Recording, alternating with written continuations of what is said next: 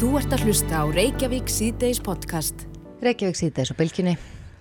Sumir borðar rjúpu á jólunum. Já, hefur þú gert það? Ég sko er alveg upp við það að það var alltaf rjúpa á, á bóðstólunum aðfangadag heima á mér en, en ég hef aldrei borðað hana. Ég Nei. flúði oftast þarna, heimili mitt út um meðast lyktin svo óbærilega vond. Þannig að þú kemur af rjúpu heimili. Já, ég kem á rjúpu heimili en, en, en það var alltaf elda sérstaklega ofan ykkur sýstirnar. Já, nú er rjúpna við tímabilið að hefjast. Það er bara núna á sunnudaginn 1. november og það er frá 1. november til 30. november. Þannig að það eru eflaust margir sem að, fagna því að þetta sé að bresta á. En uh, nú hefur umhverjastofnun sendt frá sér smá pistil um það að sko hvetja við þeim til að geta hófs í veiðum og fylgja settum reglum og annað slíkt. Akkurat. En það er líka nefnilega öryggið sem að það er að huga. að. Það er ofbúslega sorglegt að heyra að það kemur stundum í fréttir að að það hafa vorið slís á, á mönnum sem er við veiðar. Já, og er verið að leita að rjúpna skittum. Það er svona eiginlega fastu passi í þessu en uh, það er nátt að gera ímislegt þess að koma í vekk fyrir það. Jónas uh, Guðmundsson hjá Sliðsæðanfélaginu Landsbyrgu er á línunum, kom til sæl. Já, komið sæl. Svona helstu þættir sem þarf að hafa í huga þegar að menn leggja og fólk leggur í, í rjúpna veiðiferðir. Jú, það eru náttúrulega ákveðni þættir sem alltaf eru. Í fyrsta lagi eru þetta kanna veðurspána og það hefur sínt sig að síðustu árin þá hefur nú útbúnað manna batna heilmikið. En það þarf samt alltaf að hafa hann í huga að vera með fatnaðin í lægi, vera með auka næsti svo er það fjarskiptatækin, vera með síma. Og ef að menn eru einir á ferð eða vera viðskila við sína veiðifélaga þá er gott að vera með neyðarsendi.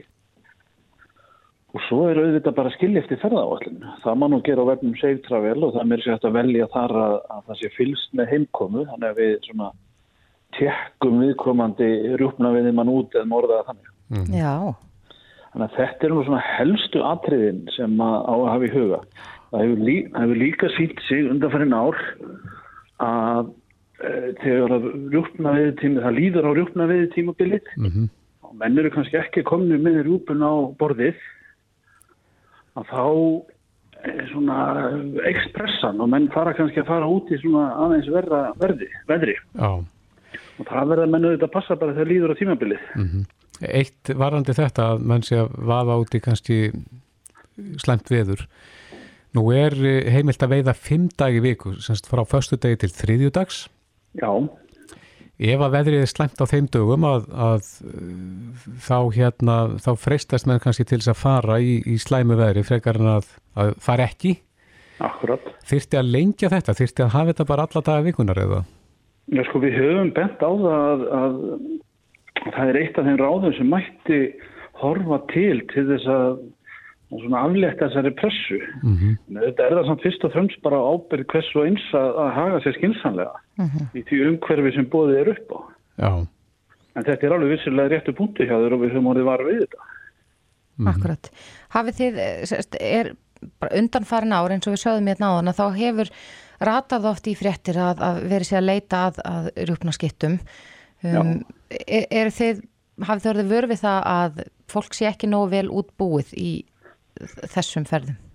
Sko heilt yfir hefur bæði útbúnaður og þekking manna skána heilmikið síðust árin.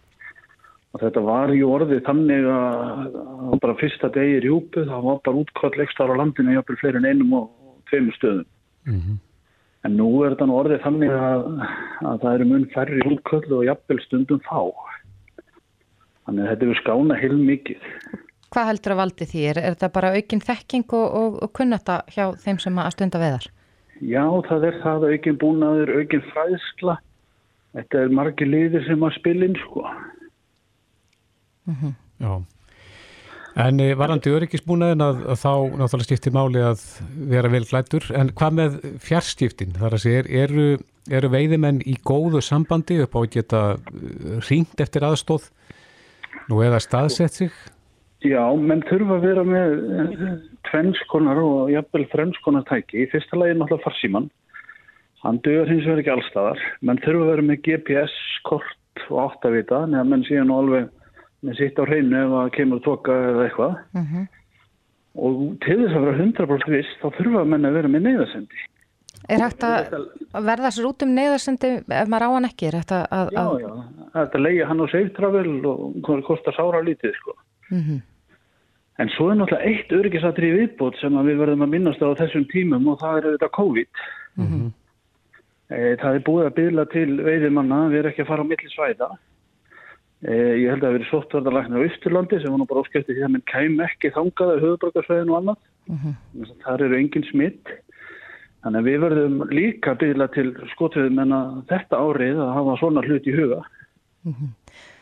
Heldur að, að, að það muni ganga vel. Nú hefur þetta verið, verið bara byðla til eh, íbúa höfuborgarsvæðisins að halda sér þar og eh, er hægt að fara rjúpu hérna nálægt höfuborgarsvæðinu? Já, það er hægt að fara nálægt en, en það eru ekki mörg svæði í nákvæmlega það verður að viðkennast.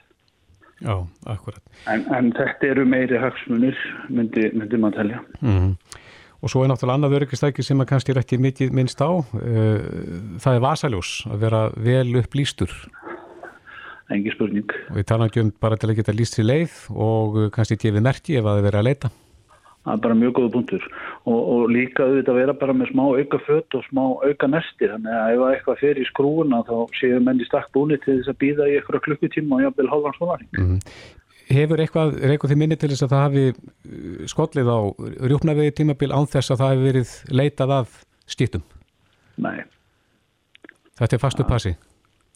Já, þetta held ég hafi bara verið. Ég man ekki eftir neinu ári, sko. Nei. Það sem ekki hefur verið eitthvað stöður á landinu en, en aftur að ítrekka þá hefur þetta, þetta batna heilmikið síðust árin, sko. Já, það eru nú þó góðar fréttir. Eh, Jónas Guðmundsson hjá Sleisavarnafélaginu Landsbjörg, kæra þakki fyrir þetta. Semleðis, bless, bless. Þú ert að hlusta á Reykjavík C-Days podcast.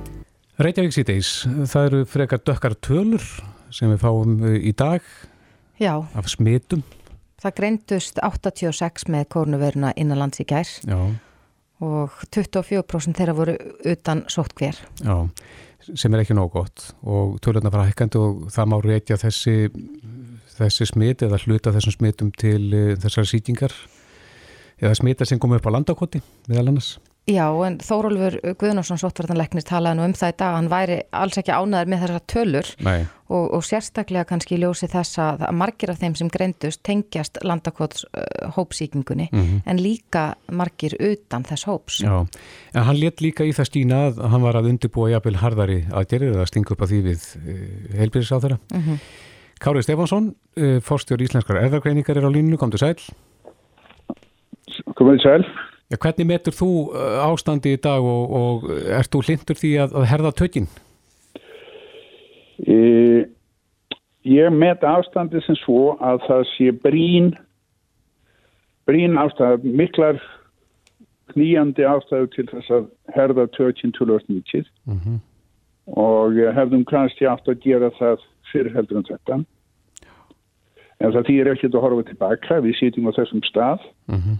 Og eh, eigum tækifæri til þess að bregðast við þessu að, að meiri dugnaði heldur en heldur en við gerum på síkastið og, og eh, mér stilst að Þórólfur ætla að leggja það til við aðstöðan heitbísnar að það.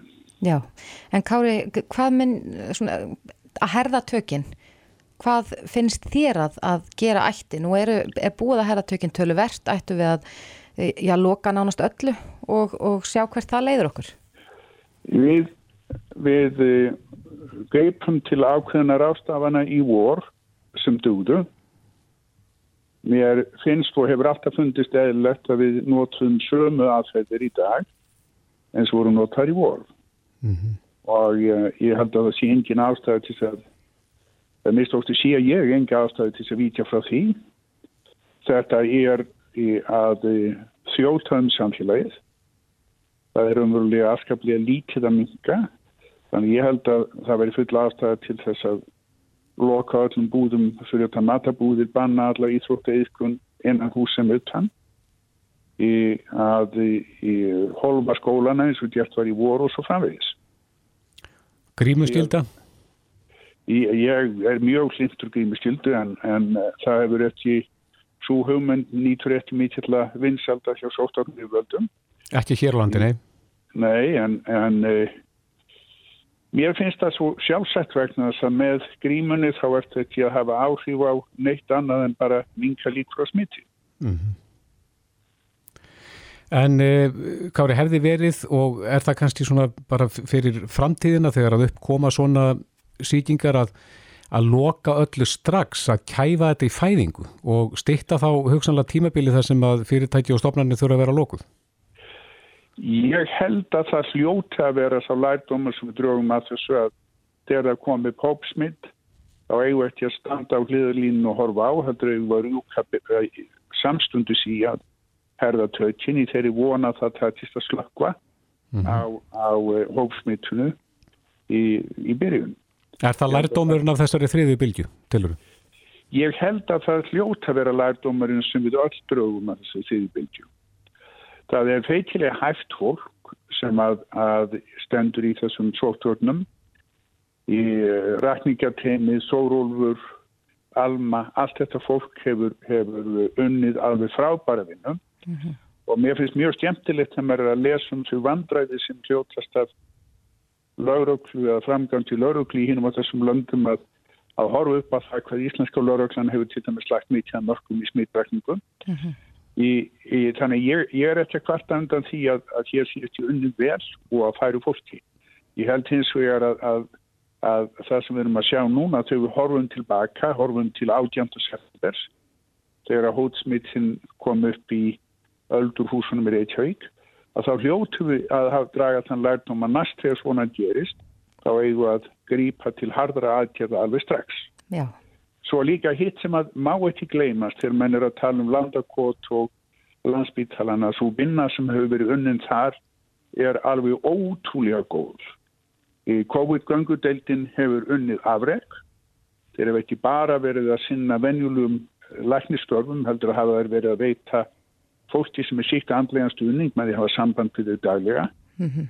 Og vinnan innan spítalana með það sem eru, eru lastnir og illa lastnir hefur verið alveg með, með eindæmum. Þannig að ég, þegar ég tek skref aftur og bakk á þessu ögna blitsi og uh, spyr mér þeirra spurninga hvernig hefur þetta tettist, þá held ég að þetta hafi tettist mjög vel.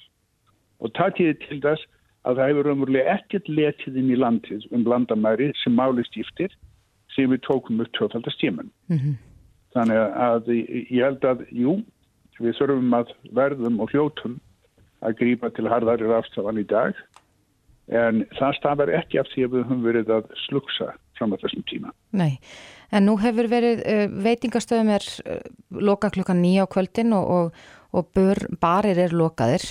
Uh, telur þú ástæði til þessa að mögulega banna áfengisölu á Íslandi út af því að það hafa komið upp já, fjölmarka fréttir af heimapartjum þar sem oft er áfengjum hönd? Í, þetta er, sko, menn deilir alltaf á um hvort að það sé eðlilegt að leiða mannum að sleppa fram að sér beislunu og haga sér eins og stjæfnur.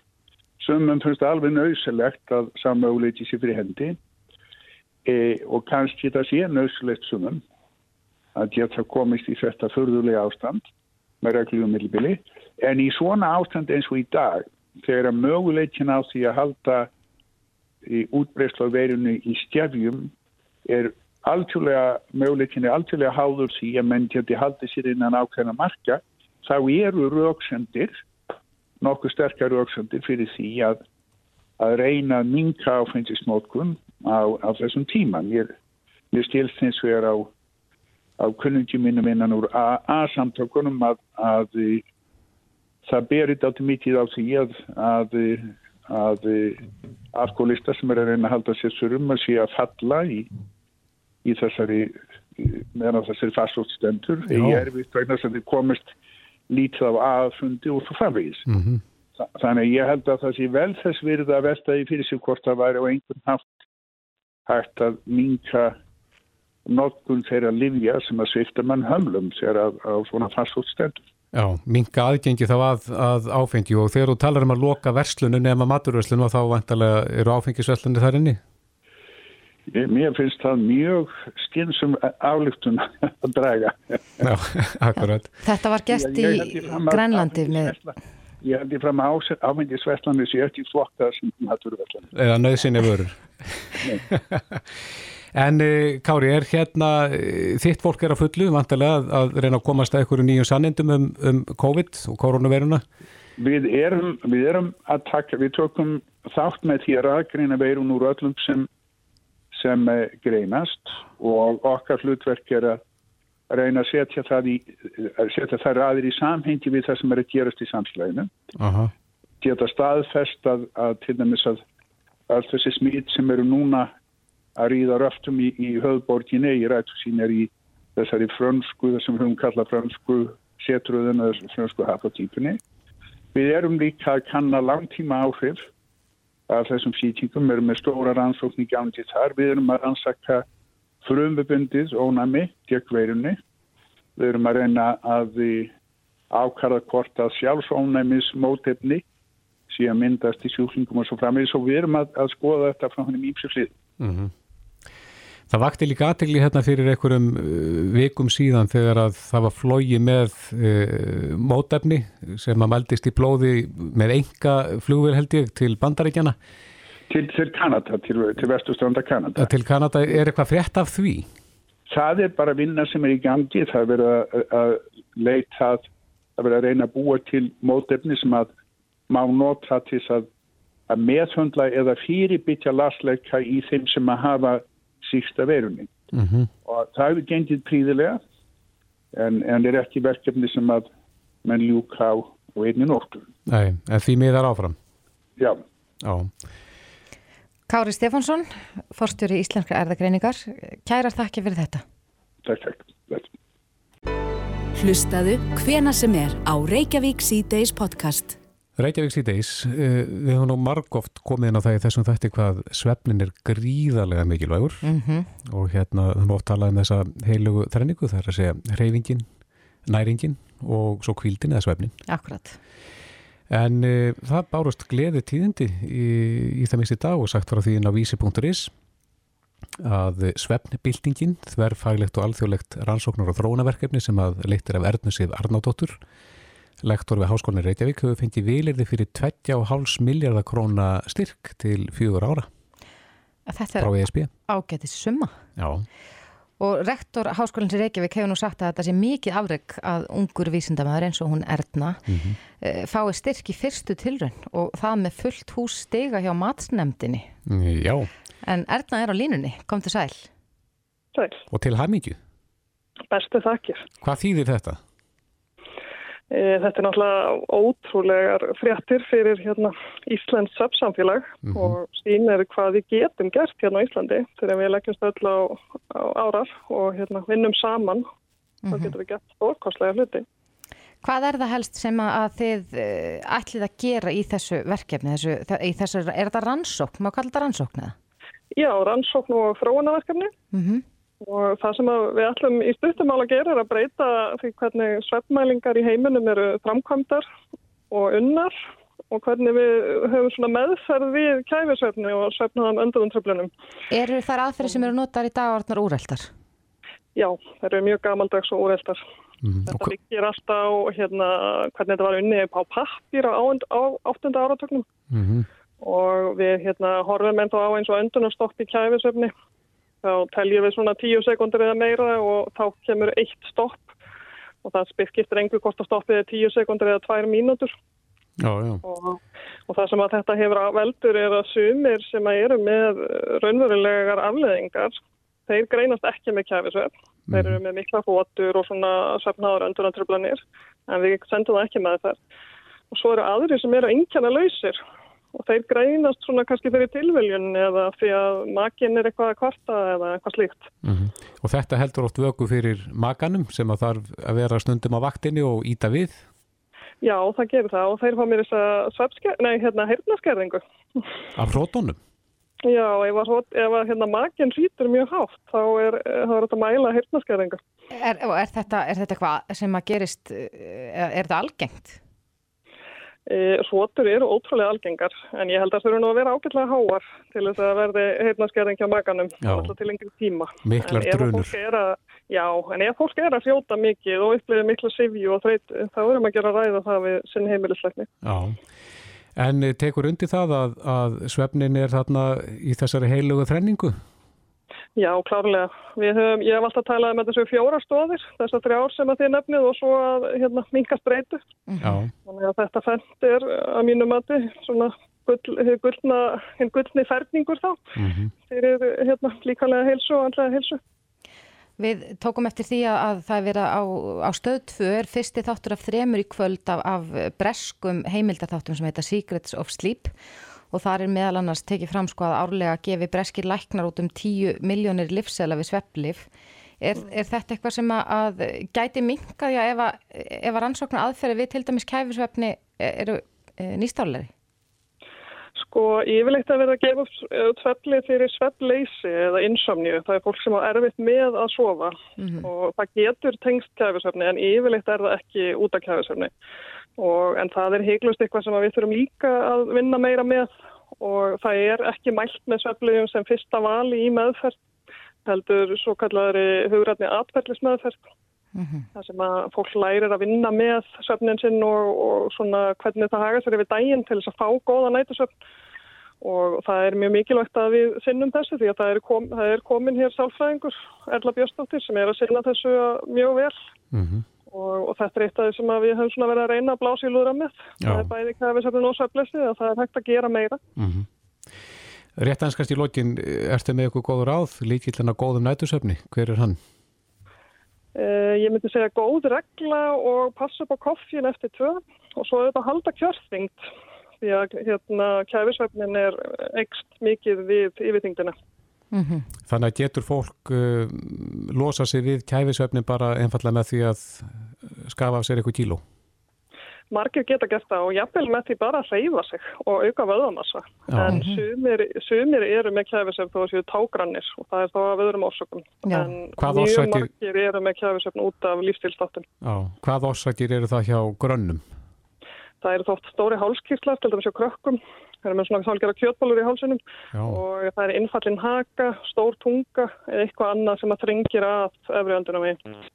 Já, og, en eitt að lókum, hvenar fer þetta í gang? Nú ertu búin að fá vilirðum þennan styrk eh, og, og hvenar verður þessu reyndi framkvæmt? Við erum semst núna að skrifa undir samninga og ganga frá öllum formfætrum. Ég geti ímyndað okkur þetta er ótrúlega flóki með 37 samstagsæðila hérna í all Evrópu og Ástralju. Mm -hmm. En við erum að vona að verkefni bara hefjist formulega strax í byrjun januar. Mm -hmm. En við erum strax byrjuð að vinna. Er þetta eins og að vinna í Lotto? Já, ég held að þetta sé næsti sem ég kemst að vera Jókim aðalend. Já, það hefur vantilega verið mikil gleði þegar þetta var tilkynnt. Já, við svífum hérna ennþá um á Bleikursíki. Það er ekki hverja ári sem að það er 65 mann ára af vinnu í, í styrk og, hérna, og til þess að gera allt sem maður langaði að gera. Allt sem maður vil gera til að breyta sínu festi. Akkurat, þetta er algjörlega frábært. Erna Sef Arnardóttir, lektor við Háskólinni Reykjavík. Kæra þakkir fyrir þetta og innilega til hamingju. Takk sem er leiðis. Reykjavík síðdeis á bylginni. Jú, takk. Við erum sest hérna niður hjá honni Valgerði Rúnarstóttur forstjóra og framkvæmtastjóra Vox. Miklar annir jafnan á þessum bæu fengið hana til að setjast hérna niður með okkur örstutta stunda því að já meðal annars e, valgerður e, í þingsölum sámaður núna á dögunum fyrir stuttu þar sem var Karl Gauti þingmaður var að spörjast fyrir um e, eða nefna það sem að heitir heroín og það er nú svona jafnaðmerki millir þess og, og dauði. Það er svona ímynd þessa efnis sem hef, hefur heilt í gegnum áratugina. Er það til hér í mikil dreifingu? Sko heroín hefur almennt séð ekki verið landlægt hér á Íslandi ekki það að við höfum orðið verfið hér hjá okkur. Mm. en alltaf í gegnum tíðina hefur verið ykkur sem að hafa verið að nota heroín og fengið það einhvern veginn til eigin nota séð fyrir sjálfum sér ykkur að neyslu skamta en maður sjálfum sér hefur eh, velti fyrir sér mörg, mörgu sinnum akkur þetta er ekki í meiri dreifingu hérna og það er bara ykkur lögmál sem að, sem að, sem að stýra því. En við erum með sambarilega neyslu sem að er uh, þessi neysla á sterkum verkefliðjum opjóiðum, svo kallum sem að er þessi oxylif og kontalgín sem að margir þekkja nú orðið og fentanil og fleira Þannig að neyslan, uh, það, það eru er sérstaklega ópjóíðar sem eru liv og, og þetta er samskonar fyrirbreyði þegar það kemur að áhrifunum á heilan. Mm, mm. Eru þeir, þessi liv, eru þau maður heyrir ekki eins mikið af þessu núna og fyrir, skulum segja, tveimur árum og fjórum árum, er einhver breyting þar á eða bara kemur þetta svona í einni halaróu efnin hvert að fætir öðru?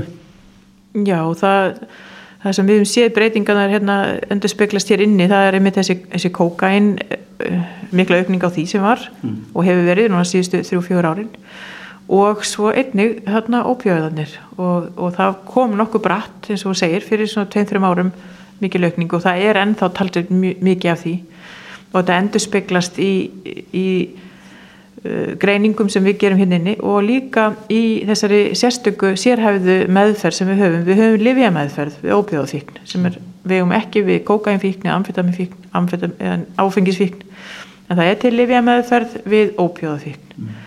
og hún um, er bæði við þessum verkjalivjum og hún er líka, líka nótuð þar sem er heroinn nákvæmlega sama meðferð. Svo við eigum hana og í dag erum 185 einstaklingar á þeirri meðferð hér hjá okkur á Sjúkrásunu vogi sem að koma inn í göngudeldina og fá mm. liv mm.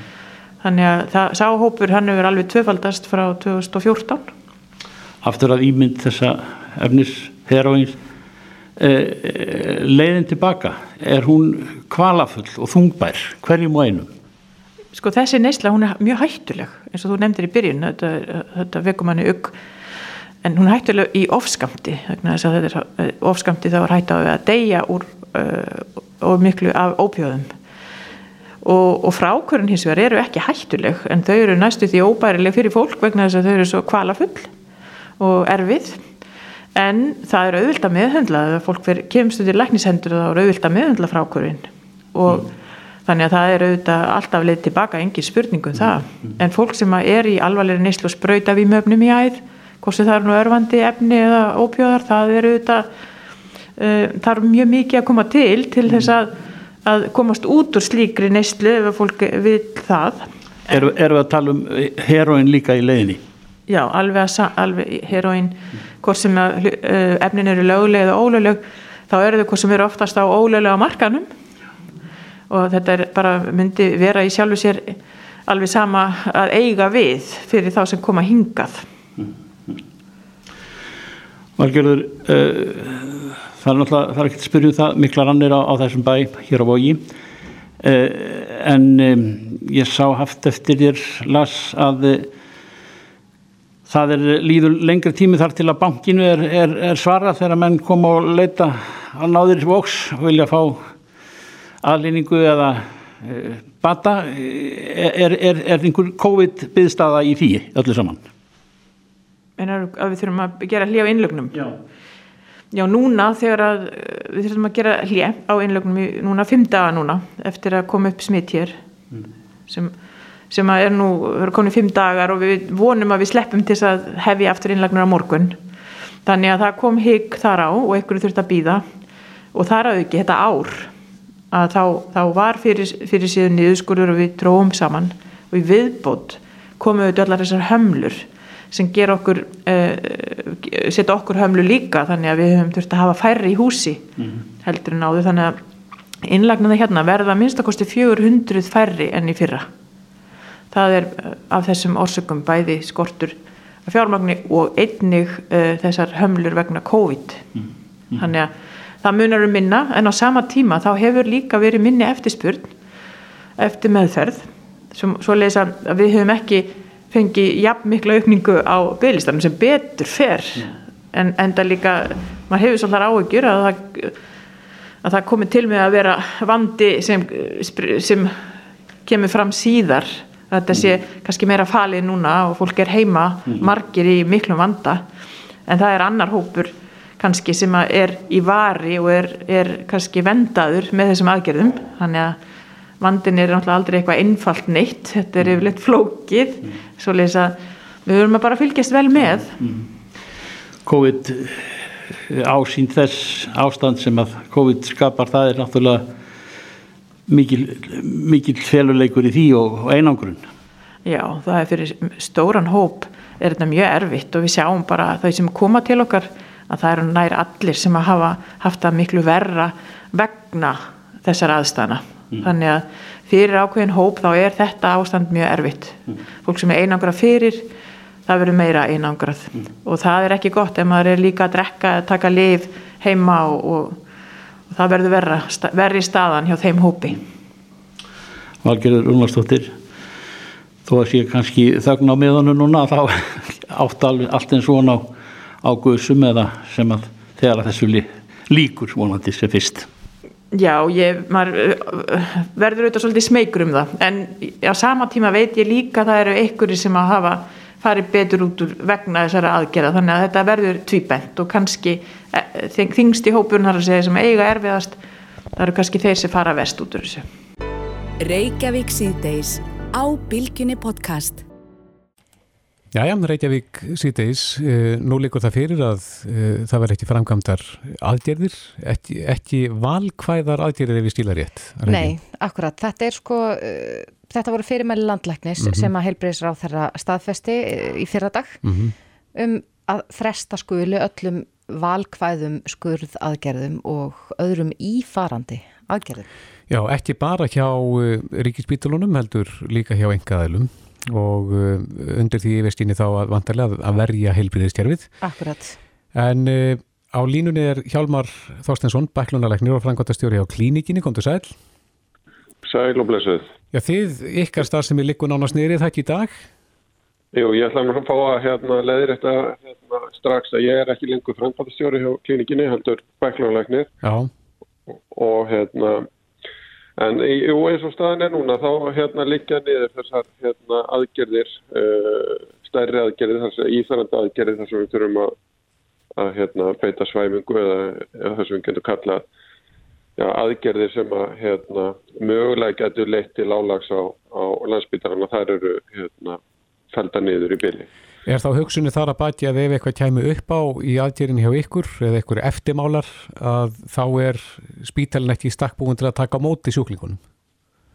Já, það er, rauninni að setja þannig upp í, í þessar reglugjörð að, hérna, að það er mat eh, sem sagt í rauninni, ef við bara tökum ferlið svo var frá byrjun þá var það í rauninni fórstjóri landsbytala á samt hérna yfir manni sótvarn á landsbytalanum sem að í rauninni leggja fram beðinni til landbækningsembatisins uh -huh. um uh, að fresta valkvæðum aðgerðum tímabundið sem að fer síðan áfram frá embati landlæknis til helbriðsóndis þar sem þetta gefið út sem reglugjart og uh, við bara verðum að hérna bera það tröstil til, til þess fólk sem að kemur að málunni að það sé þeirra mat og, og sé þá rétt mat að þetta sé nöðsileg ráðstöfun í kerfinu. Mm -hmm. Og auðvitað hérna, skiljum við það öll sem erum í þessu kerfi að það að hljóta að vera mjög alvarlegar ástæði fyrir því að mann taka svona ákvörðun. Það sem að þetta hefur náttúrulega sjálfsögðu áhrif á helsu fjöldafólks. Það er að segja við erum meðvitað að fresta greiningu og meðferð uh, fjöldafólks á þessu tímafili og það gerir maður ekkert bara hérna eins og maður segir eh, án, án hugsunar sko. Akkurat. Er eh, bara svona við skiljum þetta örliti betur, er það algengt að, að eftir að, að sjúklingar hafa farið í aðgerri til dæmis hjá ykkur eða öðrum engaðilum að uh, sjúklingarnir þurfi síðan að leggjast inn á landsbytara eða leita til landsbytarans? Nei, sko, ég, ég ætla bara að vísa í, í mínar tölur og, og þetta, þetta er afagóð spurning sem ég held að sé bara nöðsilegt að við fáum svar við.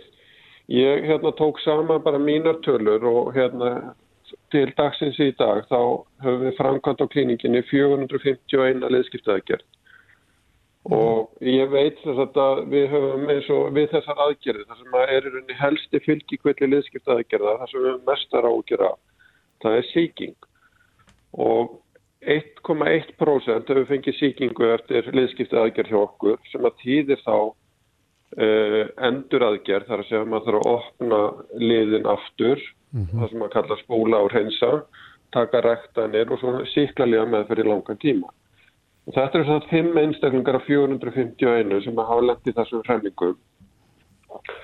Og uh, allar þær endur aðgerðir hafa verið gerðar á klínikinni við hefum gert sko endur aðgerðina og svo hefum við átt afakvátt samstarf við smittsjúkdómadeild landsbytarlands mm -hmm. og lagt í rauninni sjúklingana í, í framhalsmeðferð þar þar sem að þeir þurfa þó sérhæða meðferð í rauninni frá smittsjúkdómalæknum varandi langtíma síklarlega og eins og ég segi, auðvitað gerist þetta í þessum tegundum aðgerða alveg eins og okkur eins og allstæðar annarstæðar í kerfinu. Uh, það, það er hérna síðan þannig spurningi sem við þurfum bara hérna að svara, þú veist, er það réttlætanlegt að við stoppum sagt, þessa tegundir aðgerða uh, tímabundi, við gerum það í vor, við gerum það aftur núna og við, við þurfum held ég svolítið að fara að hugsa svolítið framhaldið. Hvernig ætlum að komast í gegnum þetta tímabil? Vegna þess að ég sé ekki neinstæðar að við sem að fara að losna við þessa veru í nánustu framtíð Þannig að bygglistatni bara lengjast þá?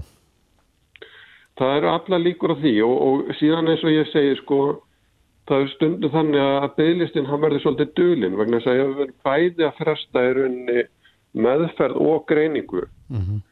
að þá er kannski fullt af einstaklingu sem eru út í þjóðfélaginu sem öllu jafna hefur fengið greiningu á sínu meini og eru þannig eins og maður segir dölin þar að þau eru ekki komin á, á bygglista fyrir einhverju meðferð vegna þess að það er ekki einu sem er búið að klára greininguna. Nei.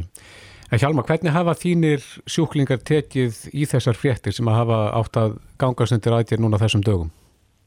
Jú, það er náttúrulega, maður finnur klárlega aukna ágist á sjúklingunum og þú veist, hvað er, spurningarnir eru sem að mann er, er örugt að þið komist í ganga aftur 16. og hvað tekur langan tíma að vinna upp hérna bygglistan, þú veist, hvað verður þetta meiri frestun heldur en til 16. Mm -hmm og það, það er náttúrulega áhækjurnar og auðvitað fólkum í mismunandi stöðu. Þú veist það eru mismunandi mikil enginni hjá, hjá sjúklingum og, og hérna sum er búin að vera að býða lengi og, og hérna horfa fram á ennþá lengri býð Er, ekkert, er ekki lagt neitt mat á það, eitthvað svona einstaklingsbundi mat á það hvort að, að slíkar aðgerði séu í raun valkvæðar þegar fólk er, já, jafnvel það mikið kvalið eða, eða þeirra staða orðin alvarlegri?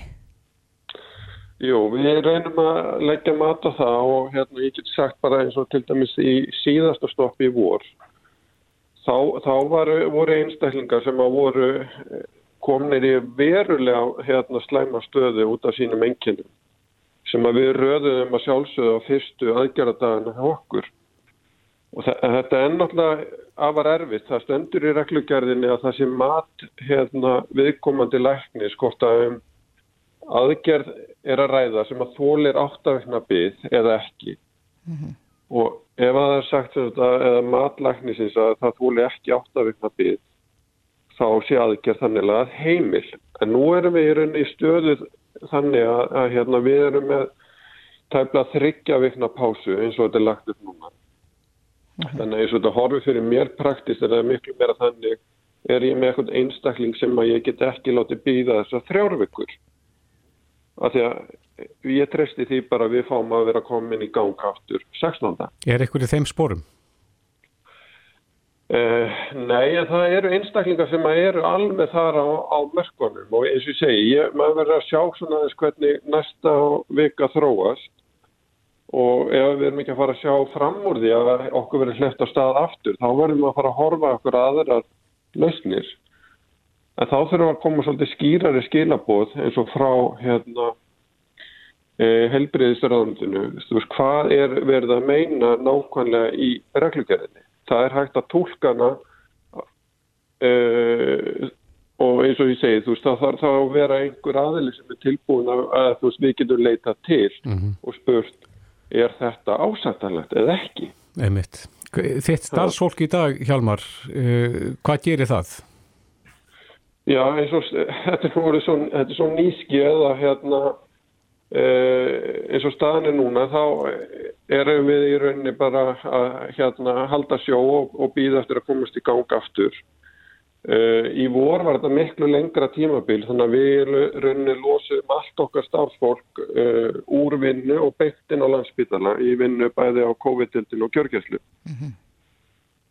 Og ég verði nú bara að segja það hérna, að í rauninni ef, að, ef að þetta snýst um, um starfsmannamál, ég, ég skil það alveg það lítur að vera gríðarlega erfitt að standa allt í einu þeirri stöðu að það er 250 starfsmenn landsbytarnas komin í sótkví að, hérna, að það þarf að leysa mönnunavanda.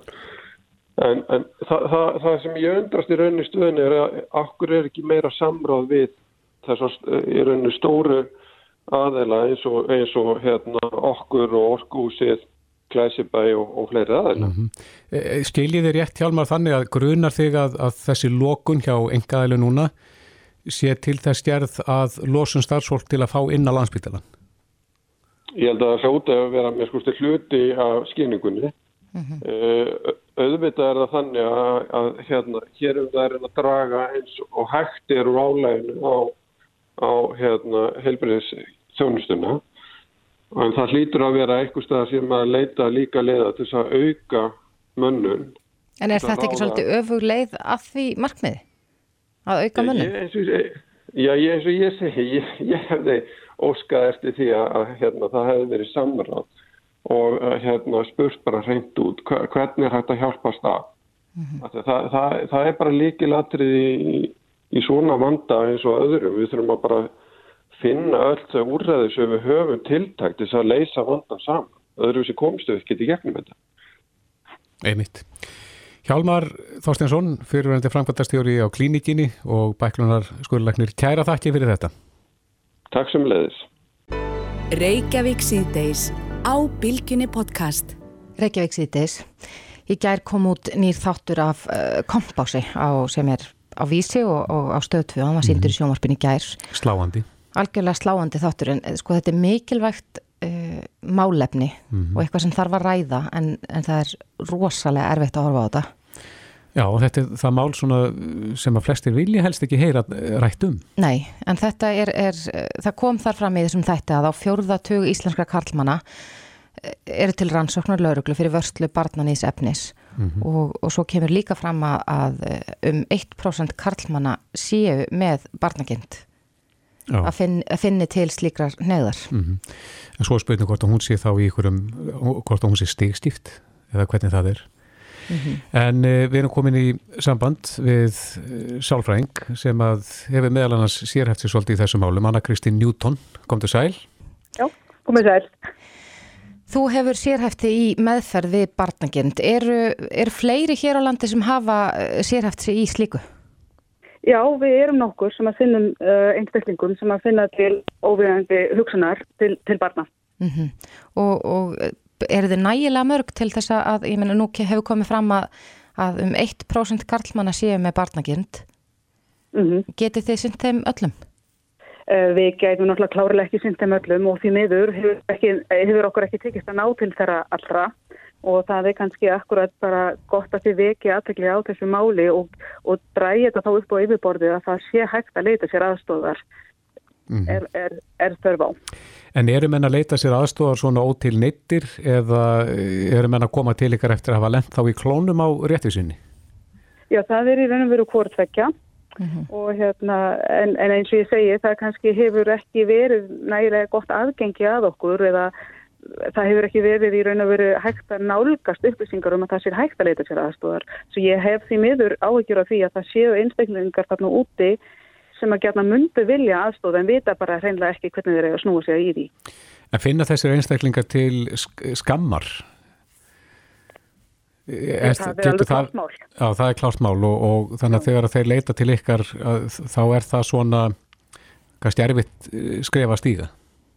Ég held að náttúrulega, kannski bara eins og við vitum náttúrulega, þetta er náttúrulega með tilfinningaþrungi mál eðlilega og hérna þeir eru þeir sem að glýma við þessa hugsanir að þeir eru náttúrulega mjög á varbergi hverjum þeir geta treyst fyrir því að, því að það, það er erfitt að, að, að opna sér um þessi mál. Mm -hmm. Sko þú talar um að glýma við hugsanir, svo er hér lesi ég frétt að þetta er kvöldu neyð. Er, er þetta skilgreynd í, í sko fræðinni sem einhvers konar, mér langar ekki að segja sjúkdómur en ég veit ekki alveg hvað orða á að nota yfir það? Já, það er akkurat kannski þetta sem að reynist svolítið erfitt að, að testa einhver almenna skilgreining á það. Ég held að þegar maður tala við einstaklingar sem bæði vinna á þessu sviði og svo einstaklingar sem að glýma við þessu hugsanir þá koma mörg mismöndi sjónamið fram. Og meðal annars vilja einhverjir meina að þeir hafi bara fæðst með eitthvað sem við myndum þá telja til neyðvar en svo sjáum við náttúrulega líka að það er um, ekkert bara ein leið að þessu að, að við erum að tala um það að skoða til að mynda barna nýðsefni á netinu sumir hérna byrja á því bara sent og síðan meir á, á lífstegðinni.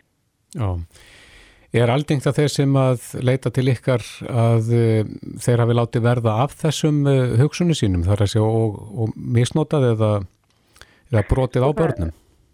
Sko ég er náttúrulega sinni starfað hérna á, á viðan fangilsmálastofnuna meðal annars mm. og, og þar sinni ég náttúrulega dæmdum einstaklingum mm svo þeir hafa náttúrulega klálega brotið af sér hvert öðrum en það eru ákveðin hópur sem að hérna, leita sér sjálfur aðstúðar án þess að nokkuð tíman hafi komið við sögu löglu.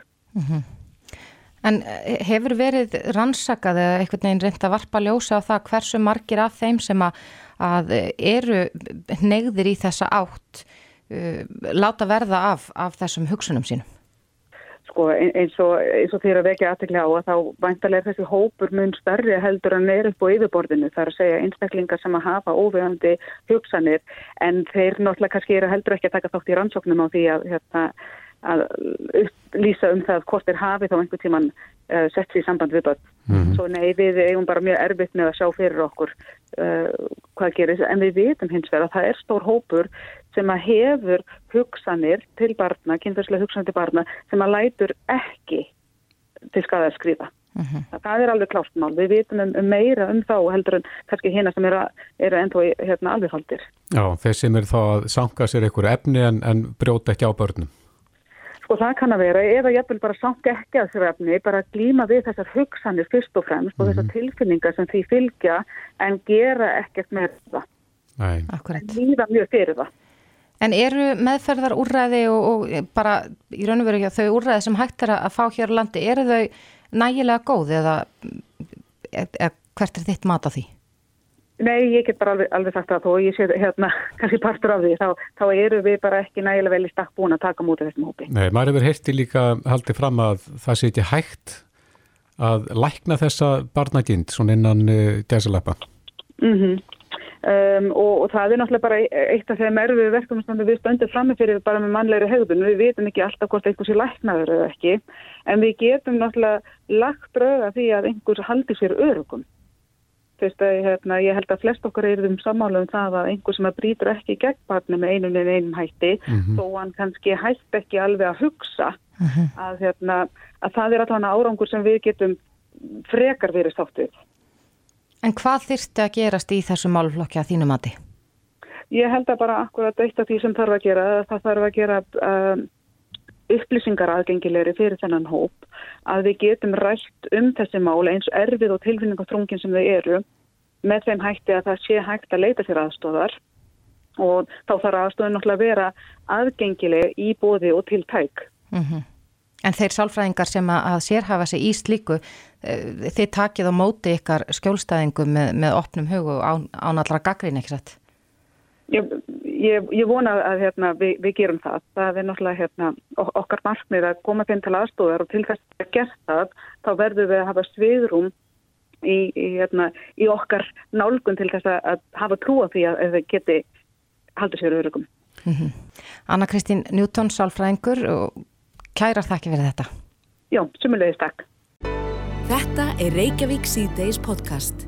Í fjölskrúðu riti félagsíslenska bókútjafenda e, gefur að líta marga aðtiklisverða bókatilla og umsagnir um bækur eða efni um bækur e, og svo endrum og sinnum eða kannski sem betur fyrir kannski sjaldan að rekst maður á svona kynlega kvisti, væga sagt og og það er bók sem að ber heitið Tröllasögur 20. aldar ef ég mann rétt en, en þetta er, ég hef lesið um þetta uh, í útlandum að, að það eru menna að snúa við uh, svona ákveðnum skoðunum, sögurskoðunum og uh, veit ég ekki meir um það en að, en að en að voðaverk nazismans hafi ekki átt sér stað eða í það minnst að í allt annari mynd en sagan segir okkur. Menn er að tjá sig um þetta svona hér og þar. Helgi Rapp Gunnarsson er eitt þeirra en á Bílardarspjallinu segir þú Helgi að, að segir þetta af og frá rusl Þetta er rusl, já. Eh, helfurinn átti sér stað, þrónarkenningin er rétt, þetta eru staðrindir. Það eina sem að getur samtfætt fólk um eitthvað annað er með að þekka ekki efni til hlítar eða þá með því að, að bara vísvitandi blekja sjálft sig. Staðrindinir málinu eru mjög afdráttarlausar og afgerandi og það er þess virðið að hafa í huga þegar kemur að helfurinni og, og Núrenberg eh, réttarhöldunum eftir á að það var nú algengasta vörninn svo að menn hefði verið að fylgja skipunum eða þá þeir hafi ekki vita hversu mikið þetta hefði verið af fólki sem var þarna myrt köldu blóði. Eh, vörninn var ekki svo að þetta væru upplognar ásagnar, að þetta hefði ekki gerst. Það er ekki það sem að hinn seguð sögðu sjálf. Um, þannig, en sko, svo byrjar þetta á einhvern tíapunkti fólk að skrifa svona þvætting og sýralagi þessa tiltegnu bók. Um, þetta, er, þetta er einstaklingur sem er ekki með þá sérfæra þekkingu sem þarf til þess að meta gögnin og hann viðkynna það fúslega sjálfur. En það sem að sko uh, ég, ég, held og vona að það þurfi sjálfur sér ekkert að sannfara fólk sérstaklega um það að helfurinn hafa átt sér stað. Um, það bara liggur svolítið fyrir. En vitaskuld verður fólk óttaslegið og hrætt og reitt þegar svona bækur ber á góma eðlilega því að bóðskapurinn er ógeðslegur Um, en þá í leiðinu koma oft upp hugmyndir um það að banna svona bækur. Mm. það er ekki góð laust og í formóla bókarina frá 2003, önnskútgáfinni allavega að þar segir til dæmis það sem að ég og fleiri höfum vara við að sko sterkasta sönnunin sem að nínasestar og fólk sem er þarna megin í, í sögurskýringum finnur fyrir sinni sannfæringu er þegar skoðinir þess hversu heimskulegar ógeðföldar sem þar kunna að vera eru bannaðar Þannig að það styrkir þessa einstaklinga að ætla að banna þeim að segja það sem þeir vilja segja.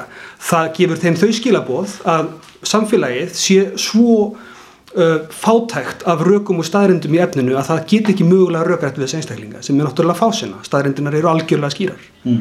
Og sko það sem að vantar fyrst mér svolítið í, í þá umræðu er sko í líðræði samfélagi þar sem að við búum frel, frelsi og líðræði þar er það borgarlega skilda okkar að taka þátt í samkettni hugmyndana. Það er svolítið auðvelt að ætla bara ríkisvaldun einhvern veginn að banna það sem að við annarkort nennum ekki eða kunnum ekki að rökra það. En það er skilda okkar að þekkja söguna, það er skilda okkar að, að hveða nýður svona bull með rökum og staðrindum enda nóg til af hverju tvekja. En nú er okkur uh, vanda höndum sér maður í, heimsbyrjum með breytri tækni, með Eh, menn talast við heimsotnana í milli og af, eh, eru, eru rótbundnir þessu samfélagin og hinn og, og, og það er auðveldar að koma líginni kannski að rétt eins og, og sannleikanum í, í, á netinu sem er allra. Vandin þar er, það, vandin þar er fyrst og fremst að mínum að þið sá nákvæmi að það er of mikið stjórna því hvað upplýsingar fólk fær. Það er bara ekki gert á sömu aðlum og ekki af sömu ástæðum. Mm. núna sínist mér helsti vandin vera sá að það hvað upplýsingar interneti stingur að þér eru byggðar á því hvað selur þér auglýsingar mest og það eru fyrirtæki svo Google og Facebook og Twitter og fleiri sem óta að þér því sem heldur þér við tölvuna. Það er ekki góður mælikvarði á hvaða efni er satt. Það er, það er, en það er ekki markmið með flestum þessum samfélagsmiðlum einhvern veginn að, að, að veita þér rétta einsýnin í staðreindir svona mála heldur að selja þér auglýsingar. Og það er mjög raunverulegt vandamál. En það að banna bækur er ekki lausnin á því vandamáli. Þvert að móti að reyna að auka upplýsingaflæði og gera fólki auðveldara að komast að, að geta metið þið sanna frá hennu ósanna Þú ert eins og það ekki fylgjandi bókabrennu í þessu Nei, ég er ekki fylgjandi bókabrennum eða, eða því að banna bækur almennt Nasistar hins vegar voru það. Þetta er Reykjavík C-Days podcast.